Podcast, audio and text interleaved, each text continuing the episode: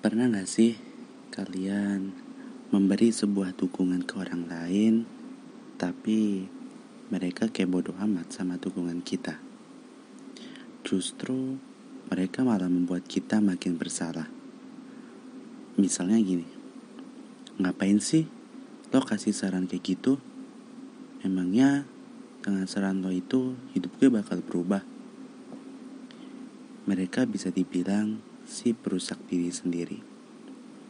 Mereka membutuhkan dukungan, tapi mereka malah gak peduli sama dukungan yang udah kalian kasih.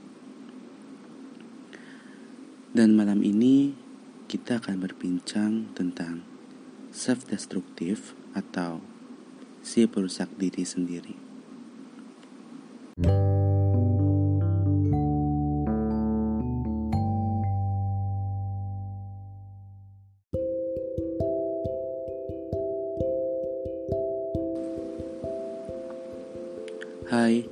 Selamat malam dan selamat datang di podcast Hanya Rehat untuk kita semua yang ingin rehat sejenak.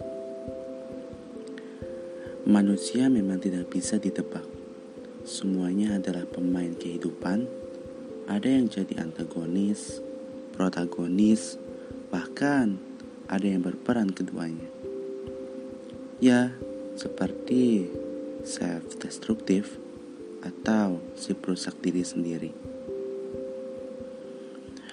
Melansir dari headline.com, self-destructive behavior atau sering dikenal sebagai perilaku merusak diri sendiri adalah perilaku yang dilakukan dengan tujuan merusak diri sendiri entah secara emosional maupun secara fisik. Mereka bisa dibilang sebagai salah satu toxic people yang merugikan bagi kita dan juga diri mereka sendiri. Kenapa? Self-destructive itu seseorang yang suka merusak dirinya sendiri karena suatu hal, lalu mereka membutuhkan sebuah saran, solusi, dan support system.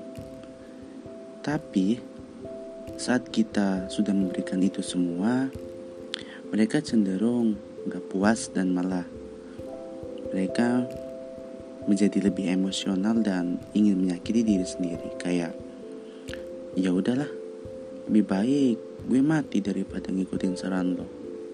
Atau gue hidup gak ada yang ngasih support jadi ngapain gue hidup? Padahal infactual banyak orang yang memberikan support padanya.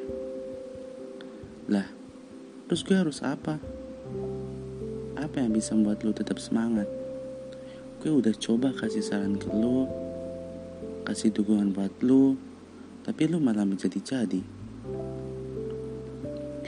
Kalimat itu mungkin ingin diucapkan oleh semua pendengar yang selalu memberikan saran dan dukungan, tapi mereka malah gak peduli dengan dukungan kita. Rasanya ingin menghindari orang-orang itu. Karena ya, membuang waktu saja. Gak hanya membuang-buang waktu, tenaga, toh orangnya juga sulit untuk berubah. Namun, balik lagi bahwa self-destructive itu bukan hanya sebagai toxic people, tapi juga sebagai salah satu isu mental. Mereka si perusak diri sendiri ada alasan punya masalah itu. Mungkin karena stres atau overpass dari orang-orang yang membuat mereka seperti itu. Lalu kita harus gimana? Toh dia juga gak mau dengerin saran kita. Tetap beri saran yang terbaik aja sih sama-sama memahami dan bagi self destructive cobalah untuk memberi rasa empati untuk diri sendiri. Lakukan hal yang nyaman sesuai dengan kata hati. Jangan terlalu memikirkan orang lain. Because hidupmu itu adalah jalanmu dan merusak diri sendiri itu gak baik buat diri sendiri. Walaupun itu hal yang kecil, tapi itu bisa membuat rugi orang lain. Oke, mungkin itu saja perbincangan hari ini.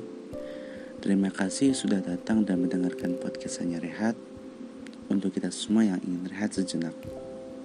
See you next time. Goodbye.